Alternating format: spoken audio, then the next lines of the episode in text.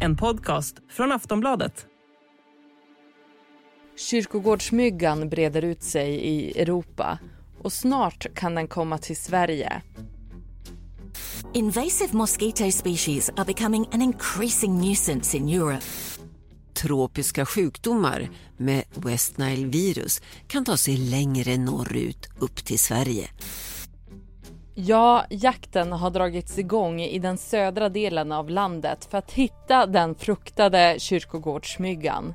Och den har fått sitt läskiga namn för att den ofta hänger i just gravvaser på kyrkogårdar. Under de senaste decennierna har kyrkogårdsmyggan spridit sig allt mer och nyligen har den hittats i norra Tyskland. Och invasiva arter fortsätter att vinna mer mark i det varmare klimatet. Experter varnar för att deras framfart kan öka risken för sjukdomar och kyrkogårdsmyggan kan bära på West Nile-viruset.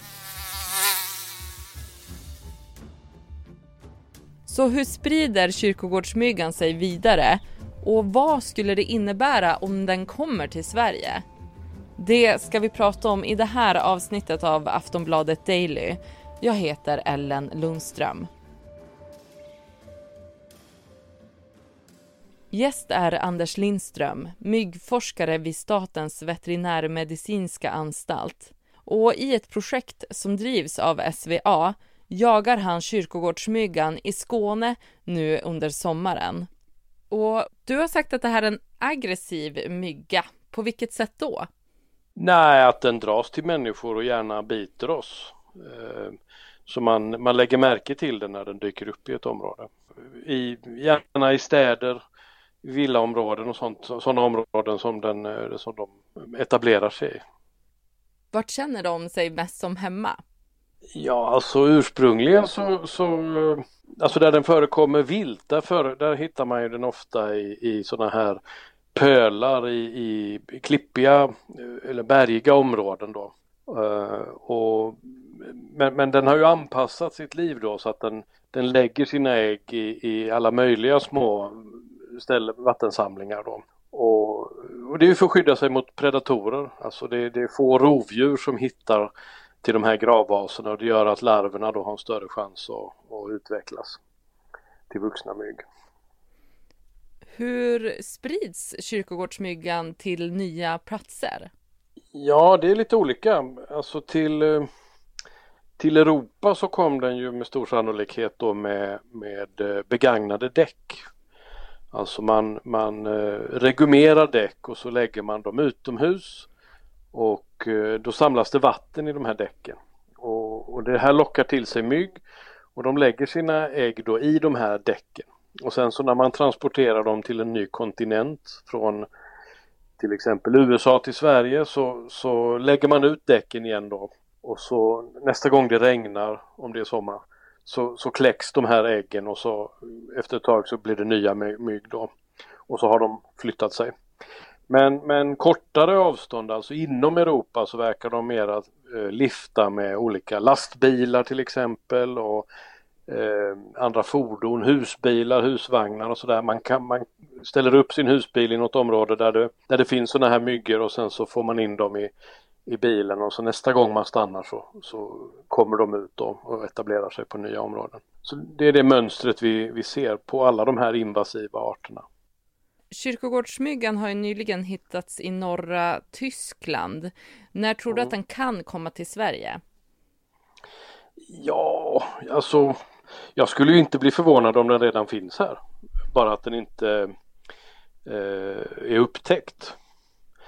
Eh, jag tittade någon gång på, på eh, hur mycket lastbilstrafik det är från Europa till, till Sverige och, och, jag tror det var 2014 så var det alltså en halv miljon lastbilar som körde, kom till Sverige från Europa.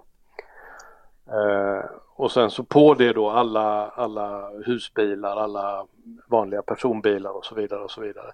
Så att det, det rör ju sig om miljontals fordon varje dag som, eller varje år som ko kommer till Sverige och, och, från områden också där den här myggan finns. Så att det, eh, jag skulle inte bli förvånad alls om den, om den har kommit hit redan.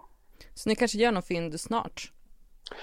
Ja absolut, det kan vi, det kan vi säkert göra. Vi, vi, är, vi är beredda så att säga, helt fullt beredda på att den kanske är här redan.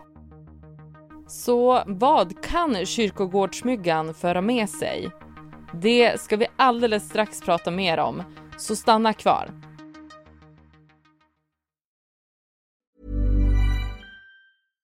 Want flexibility? Take yoga. Want flexibility with your health insurance? Check out United Healthcare Insurance Plans. Underwritten by Golden Rule Insurance Company, they offer flexible, budget friendly medical, dental, and vision coverage that may be right for you. More at uh1.com.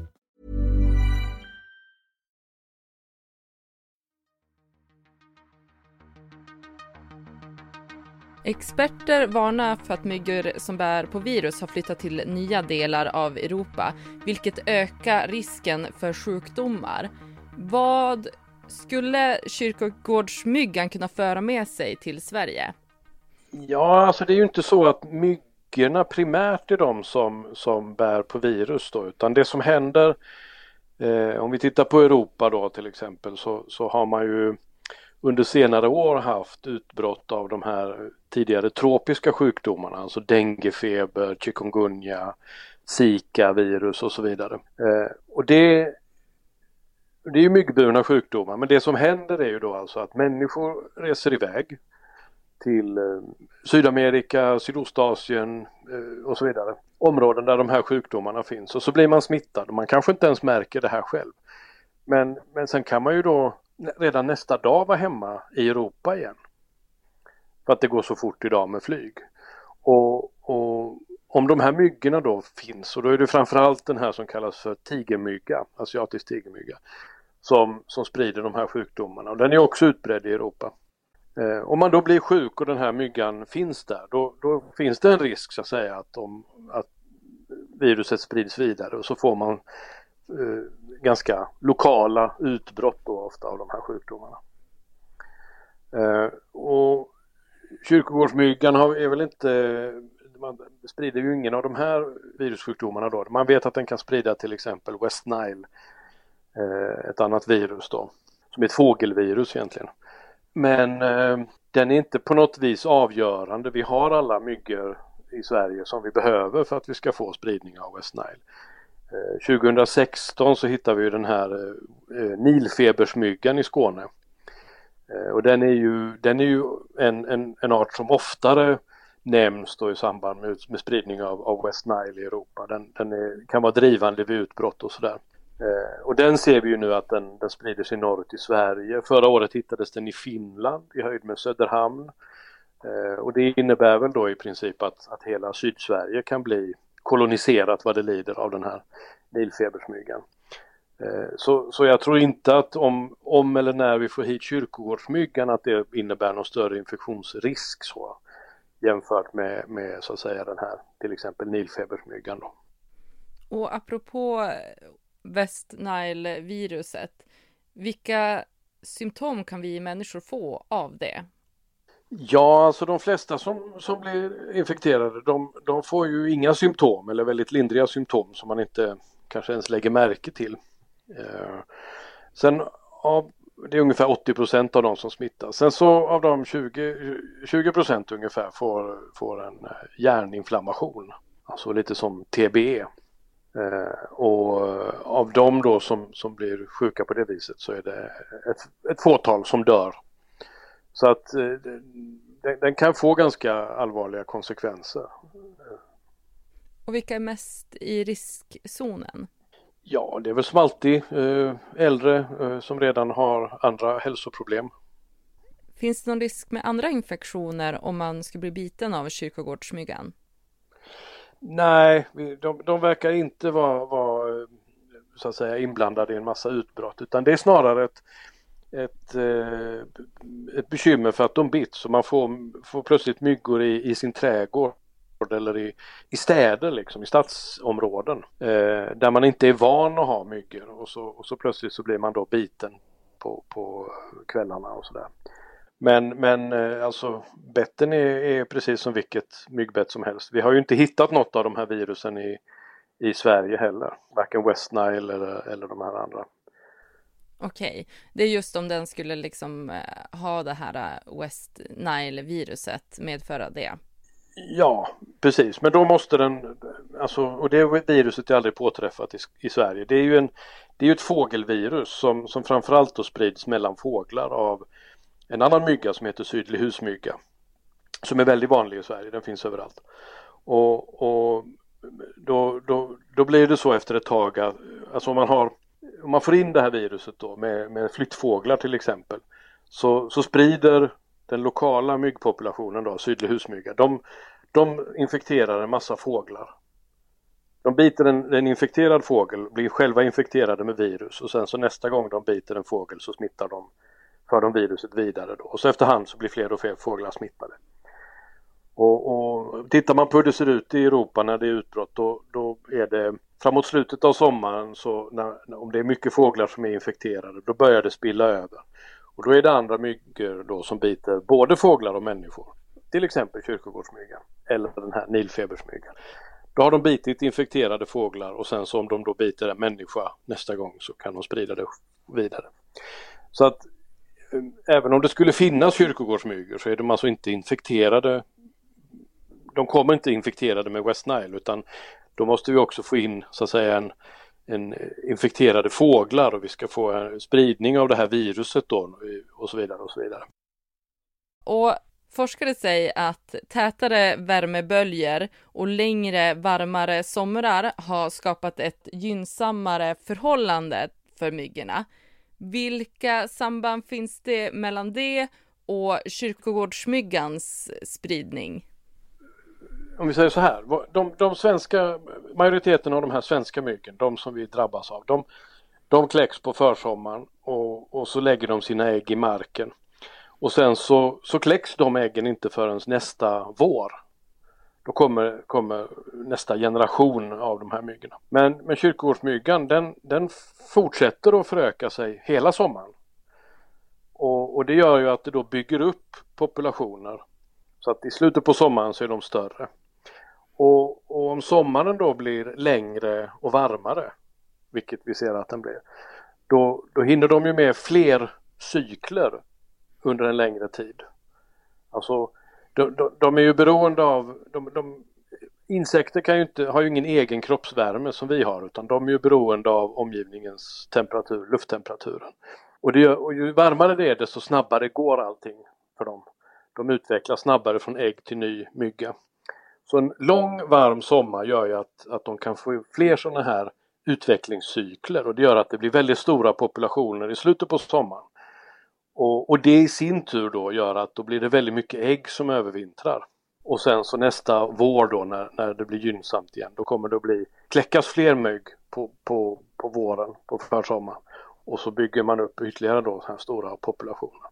Så att det, för de här myggorna är det absolut avgörande. Dessutom så då varmare, som, eh, varmare vintrar gör ju då också att, att övervintringen, är, det är fler ägg som överlever.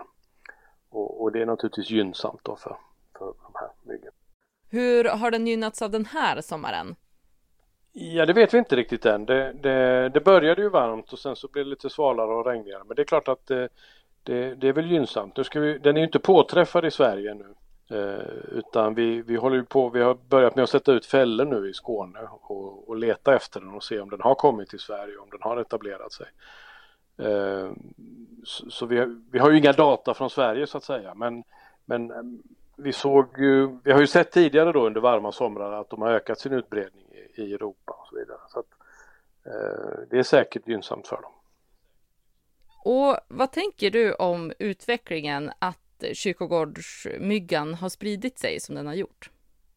Det är ju konsekvens av, av eh, hur, hur, handel och, och den, den, globala handeln ser ut idag. Man skickar grejer tvärs, kors och tvärs över hela jorden och, och, vi får också ett varmare klimat som gör att, att, nya arter kan etablera sig på nya ställen och så vidare. Så att, eh, ja, det, det, här är ju någonting vi kommer att få leva med. Vi kommer att få se fler myggor som kommer till Sverige.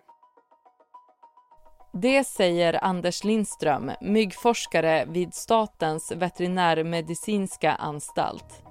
Jag heter Ellen Lundström och det var allt för Aftonbladet Daily den här gången. Men vi är tillbaka imorgon med ett nytt avsnitt. Ha det bra så länge. Hej då!